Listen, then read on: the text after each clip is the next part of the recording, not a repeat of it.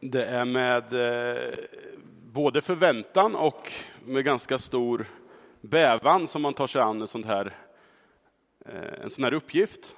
Att gå in i en ny församling som föreståndare och pastor. Men jag hoppas att ni ska vara barmhärtiga och ha mycket tålamod med mig, i alla fall till en början. Så ska vi nog ha en väldigt spännande tid tillsammans. I rörelse valde jag som lite tema för den här predikan. Och är det någonting som kännetecknar den kristna församlingen så borde det vara rörelse. Eh, vi läser i Bibeln om ett folk som är i rörelse. Gamla testamentet vet vi, Israels folk, de vandrar mycket. Vi hörde salmen som lästes tidigare, en vandringssalm. Man vandrade från en punkt till en annan. Det var liksom deras liv. När Jesus går omkring i det som nu kallas för Israel, eh, i Galileen och Judeen bland annat, så säger han följ mig till människor. Alltså han möter människor där de är och tar dem, vill att de ska gå någonstans tillsammans med honom. De första kristna läser vi om i Apostlagärningarna redan, kallades, innan de kallades för kristna, så kallades de att de tillhörde vägen. Vägen. Alltså man var ett folk som var på väg från någonstans till någon annanstans. Och det här någon annanstans dit man var på väg, det var ju Guds rike. Man längtade efter att Guds rike skulle bli mer synligt och komma ner till jorden på ett tydligare sätt. Att följa Jesus, det var ett nytt sätt att leva. Ett nytt sätt att leva. Som inte var som omgivningens sätt att leva. Det var ett annat sätt. Historiskt sett så har vi i frikyrkan ibland hamnat i ett betonande av gränser. Det vill säga, vi har predikat gränser för vilka som är med i det här folket eller inte. Och det här har gjort att man många gånger har ställt sig frågan om innanför eller utanför. Snarare än rörelsen, vart är vi på väg? Istället så har man hamnat i ett statiskt tillstånd, antingen innanför eller utanför. Nu vet jag att vi i Korskyrkan, jag säger vi i Korskyrkan redan, märker ni det? Under de senaste åren så har vi, har vi gått från har vi gått för att medvetandegöra detta och pratar om att vi vill betona centrum. Och varför vill vi betona centrum? Jo, därför att vi tror att alla människor, oavsett om man har kallat sig kristen väldigt länge, eller om man bara har varit kristen någon vecka, eller om man inte alls är kristen, utmanas att vara på väg någonstans. Ingen är färdig, vi är på väg. Men då är ju då den stora frågan, hur rör vi oss på den här vägen mot centrum? Vad innebär det att följa Jesus? Och den frågan tänkte jag ge ett jättekort svar på nu. Nej, det är ju den frågan vi samlas för att fundera på söndag efter söndag. Vad innebär det att följa Jesus? Men jag vill ge lite input i det samtal som jag hoppas är levande i församlingen. Jag brukar återkomma till ett uttryck från ur kyrkan som lyder så här på latin. Lex orandi, lex credendi, lex vivendi. Och det betyder så här. Så som jag ber, så tror jag och så lever jag. Alltså det finns ett samband mellan hur jag ber, hur jag tillber, hur jag närmar mig Gud, hur jag sen också tror och hur jag sen också lever, hur det tar sig uttryck. Så det sätt som vi tillsammans och enskilt ber på formar också vår tro, våra övertygelser. Och jag tror att det ligger väldigt mycket i det. Och kanske är det också därför Jesus har lärt oss en bön. Så att vårt liv sätts i rätt rörelser in mot trons centrum. Och jag tänkte att ni ska få stå upp och så ska vi läsa från Matteus 6, 9-13. Och det här är ett sammanhang som jag tror ni alla känner igen. Nämligen den bön som Jesus själv har lärt oss att be. Så skall ni be. Vår Fader du som är i himlen. Låt ditt namn bli helgat. Låt ditt rike komma. Låt din vilja ske på jorden så som i himlen. Ge oss idag vårt bröd för dagen som kommer och förlåt oss våra skulder, liksom vi har förlåtit dem som står i skuld till oss. Och utsätt oss inte för prövning, utan rädda oss från det onda. Varsågod och sitt.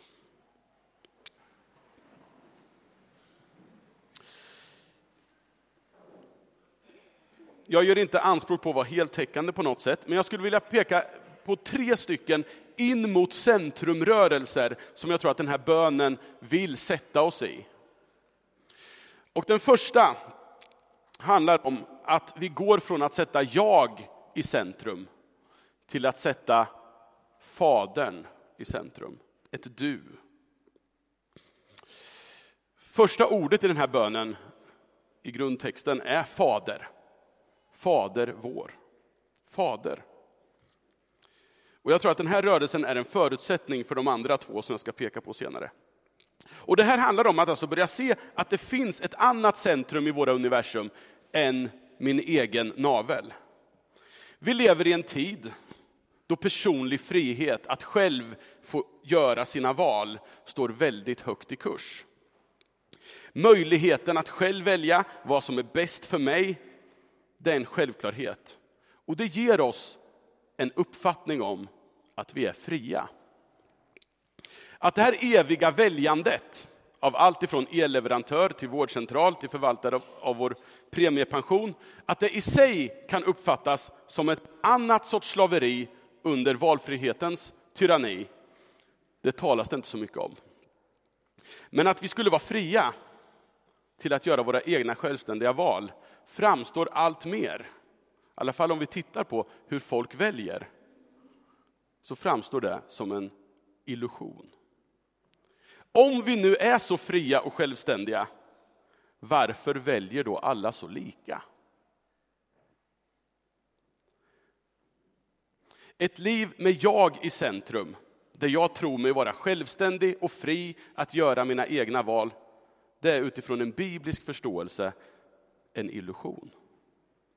Man följer alltid någon annan. Och frågan om frihet, det är inte en fråga, en fråga huruvida om jag tjänar någon, utan vem det är jag tjänar.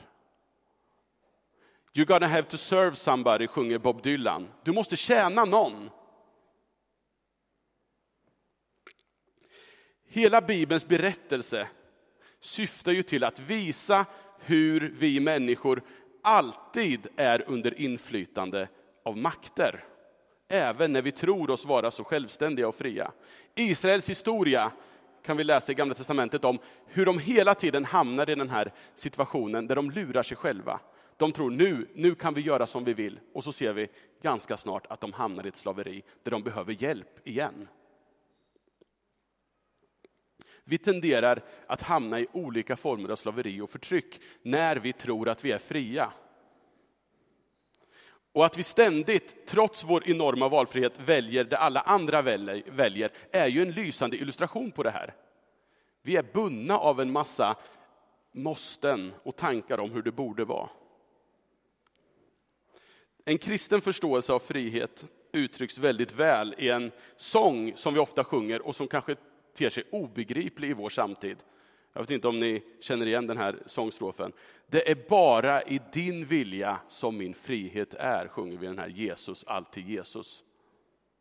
Förstår ni vad vi sjunger? Vi säger att vår frihet är inte att jag väljer, utan vår frihet är att jag tjänar någon annan, nämligen Gud. Och då kan man ju fundera, tror vi på det här? Jag har en, en systerson som bad sin första bön här för, några, för en tid sedan. Och då säger han så här, gode Gud, ute hud, ungefär så. Öta oti e ha. Det betyder lördagsgodis Nils ha. Åh, vad gulligt. Men är det inte så vi ber? För om jag tittar på hur jag ofta ber i de böner som jag ska formulera fritt innan jag går och lägger mig till exempel, så är det utifrån ett perspektiv där jag är i centrum. Jag vill ha lördagsgodis. Jag vill ha det ena och det andra. Mina behov är viktigast. Gud ska vara den som hjälper mig i mina projekt. Gud ska legitimera mina beslut och min livsstil genom att bidra med att saker går lätt och det känns bra. Mer än en gång har jag personligen känt mig ganska träffad inför Jakobs krassa konstaterande i Jakobsbrevet. Ni ber, men får ingenting därför att ni ber illa. Ni vill bara tillfredsställa era begär. När vår bön tar sin utgångspunkt i jag som centrum, då ber vi enligt Jakob illa. Och det är klart att här känner vi alla igen oss, för här är vi. Men vi får vara med ändå, vi får vara på väg. Men vi kallas att också sätta sig i rörelse från det här till att be utifrån Gud som centrum och att Guds rike ska komma. Guds vilja ska ske. Guds namn ska bli helgat. Gud är nämligen inte Gud om det är någon som ska bidra till mina projekt, för då är det jag som är Gud. Gud är bara Gud om vi blir delaktiga i hans stora projekt. Att himlen, Guds rike, mer och mer ska landa på den här jorden. Då är Gud Gud. Det är den första rörelsen. Det andra ordet i den här bönen är ju vår, Fader vår. Och ger oss den andra rörelsen, från jag till vi. Det finns inget pronomen i den här bönen i första person singular, alltså jag, mig och mitt. finns inte alls i den här bönen. Och när jag inser att jag själv inte är universums centrum, så finns ingen anledning att krampaktigt upprätthålla en sån verklighetsuppfattning. Vi kan istället upptäcka, att det finns fler än jag. Den här rörelsen från ja till vi är ju också en väldigt provocerande utmaning på vårt samhälle idag. På Youtube, jag brukar vara där ibland, eh, så finns det ett tal som man kan söka på. Det heter You are not special. Och det hålls av en lärare, på, en lärare som håller ett tal för, en skol, för en skol, en, ett gäng avgångsstudenter på, en, på någon high school-avslutning, tror jag det är. Och det här lärarens tal, som är helt briljant, både retoriskt och innehållsmässigt, bygger på det här påståendet att du är inte speciell. Helt tvärt emot vad man kan tänka sig att man borde prata om på en skolavslutning, ni vet människor ska erövra världen, nu ska vi minsann. Så kommer han bara, du är inte speciell. Du, you are not special. Ganska befriande också. I tio minuter så beskriver han allt som talar för varför de här studenterna inte är speciella. Och så avslutar han med den här retoriska knorren. You are not special cause everybody is. Du är inte speciell därför att alla är det. Ett ensambarn, det här har jag googlat lite grann på, jag, kan, jag är skitdålig på, väldigt dålig på, på psykologi. Men ett, ett ensambarn som får syskon genomgår ofta en sorts kris när hon eller han inser att föräldrarnas uppmärksamhet ska delas med en massa andra. Det kan ta en stund innan barnet landar i att hon inte är speciell i att vara speciell. Och lösningen då, enligt psykologi, psykologiguiden.se, det är inte det här att upprätthålla känslan hos barnet av, av att allt är som förut. Och vi, vi, måste ändå försöka få det här barnet att känna sig så där speciell så att den känner att den, oh sådär. Det är ju ganska stressande om man som förälder ska försöka få varje barn att känna sig som ensam barn. Utan lösningen består i att stora syskonet, det här är citat, får en chans att hitta sin roll i den nya familjekonstellationen. Så allra mest bör man jobba på att få till ett fungerande samspel mellan alla i familjen genom att vara mycket tillsammans. Jag tror att vi ofta beter oss som det enda barnet. Och Fader vår hjälper oss att anpassa oss till den verklighet det innebär att you are not special, cause everybody is. Vi är barn till samma far. Och i Jesu efterföljd så blir vi, det är inte valfritt det här, utan vi blir insatta i en ny familj, nya syskon. Det som kallas för församlingen. Det som vi ska vara och utgöra. Jag kallas att relatera till ett större sammanhang än bara jag, mig och mitt. Och det är tillsammans som vi lever efterföljelse. Det går inte annars. Vi anpassas också till att förstå att våra medmänniskor är lika älskade, lika unika, lika speciella i Guds ögon som jag är. Men det innebär också att jag är lika älskad, lika unik och lika speciell som Justin Bieber eller Anders Eksmo. Vår Fader, ge oss idag vårt bröd. Förlåt oss, utsätt oss inte, rädda oss. Michael Jackson han sjunger så här, och jag tycker det här beskriver den här rörelsen. I used to say I and me. Now it's us, now it's we. Den här sången handlar om en råtta. Men, den, den, men vi tar den från den kontexten och så ser vi att den faktiskt rymmer oerhört god församlingsteologi. I used to say, jag brukade säga ja och mig, men nu säger jag oss, nu säger jag vi. Församling är förutsättningen för att kunna leva i den rörelsen mot centrum. Vi ser varandra. Och bönen hjälper oss att se att relationen till Gud på ett avgörande sätt hänger ihop med våra mellanmänskliga relationer. Förlåt oss liksom vi har förlåtit. Vi tvingas, lockas ut från jagets inkrökthet till försoning med, överlåtelse till och beroende av varandra på ett konkret sätt i församlingens gemenskap. Den här gemenskapen som är tänkt att överskrida alla mänskliga kategoriseringar som etnicitet, ålder, social klass, släkttillhörighet och så vidare. Ett nytt vi. Den tredje processen som Fader vår drar in oss i, och de här hänger ihop de här processerna förstås, handlar om att låta behoven och inte begären vägleda oss. Och det här illustreras ju av de här två sätten att be som kontrasteras mot varandra här. Vi har Jakob, ni vill bara tillfredsställa era begär.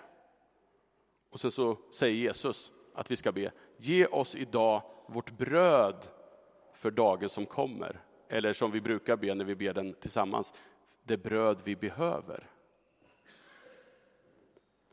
Begär är ju sådana till sin natur att de aldrig mer än högst tillfälligt kan tillfredsställas utan tenderar att begära mer begär. Begären kan bli vår livsstil och göra hela vårt liv till ett jagande efter vind, trots att vi har allt vi egentligen behöver. Det finns ett tillfälle när de tre små grisarna, djup teologi här känner jag, de har äntligen fångats av stora stygga vargen och han är jätteglad. Den stora stygga vargen han, han har precis slängt ner dem i den kokande grytan.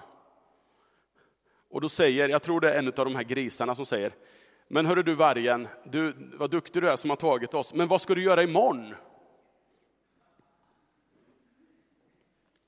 Och då står han ju inför det här valet att antingen äta grisarna för att sen börja leva för något annat. Hitta något annat att leva för. Å andra sidan att ha kvar det som fyllt hans liv med mening och innehåll, nämligen att jaga de här grisarna.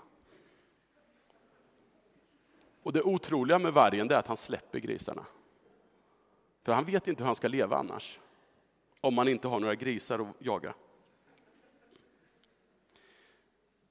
Han vill jaga en tillfredsställelse som han inte längtar efter.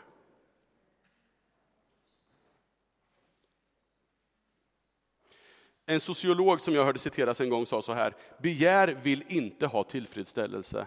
Begär, begär, begär.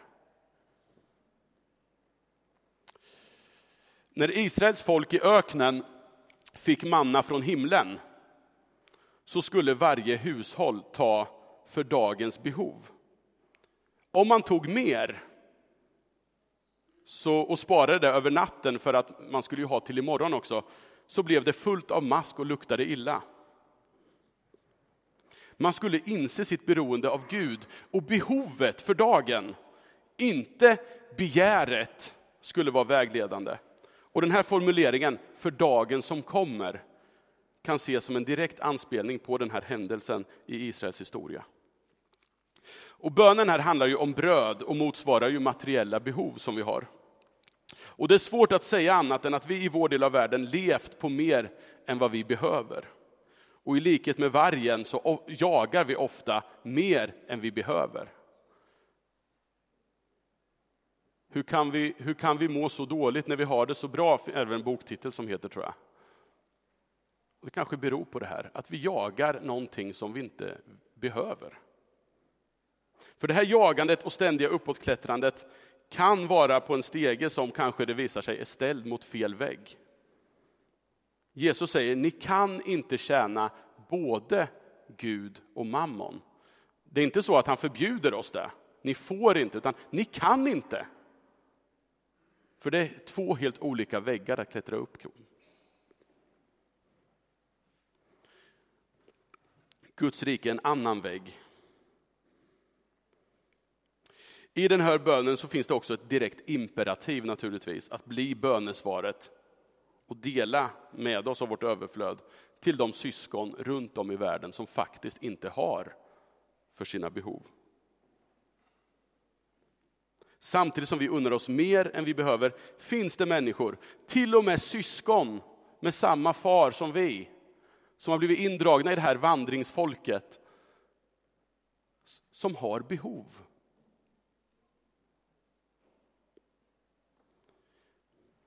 Våra begär kan bara mättas om de vrids mot den ende som kan tillfredsställa dem. Sök först hans rike och hans rättfärdighet, säger Jesus. Så ska ni få allt det andra också. Där mättas våra behov. Där tillfredsställs våra begär. Som bedjare av den här bönen så kallas församlingen vi tillsammans att gestalta de här processerna. Mitt i en värld där jaget ofta hamnar på Guds plats, där ensam tros vara stark och där individens begär är en given drivkraft för ett ständigt outtröttligt uppåtklättrande. Det finns ett alternativt sätt att relatera till världen, till Gud och till varandra. Och den här bönen öppnar vägen till det alternativet. Och vår värld som är så utfattig på de här alternativen behöver så innerligt se det här. Och det är just för världens skull församlingen är satt i världen. Och det är därför också Korskyrkan finns här i Norrköping. För att Norrköping behöver se att det finns ett alternativt sätt att leva och relatera till världen och varandra. Och jag ser fram emot att tillsammans med er söka de här processerna och försöka i möjligaste mån leva, med, leva i dem med Guds hjälp. Ska vi be tillsammans.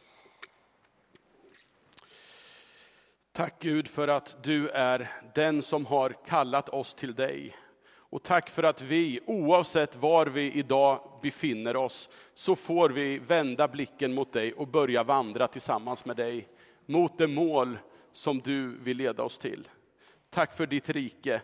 Tack för att det är en verklighet som vi kan få relatera till här och nu och söka mitt i vår vardag.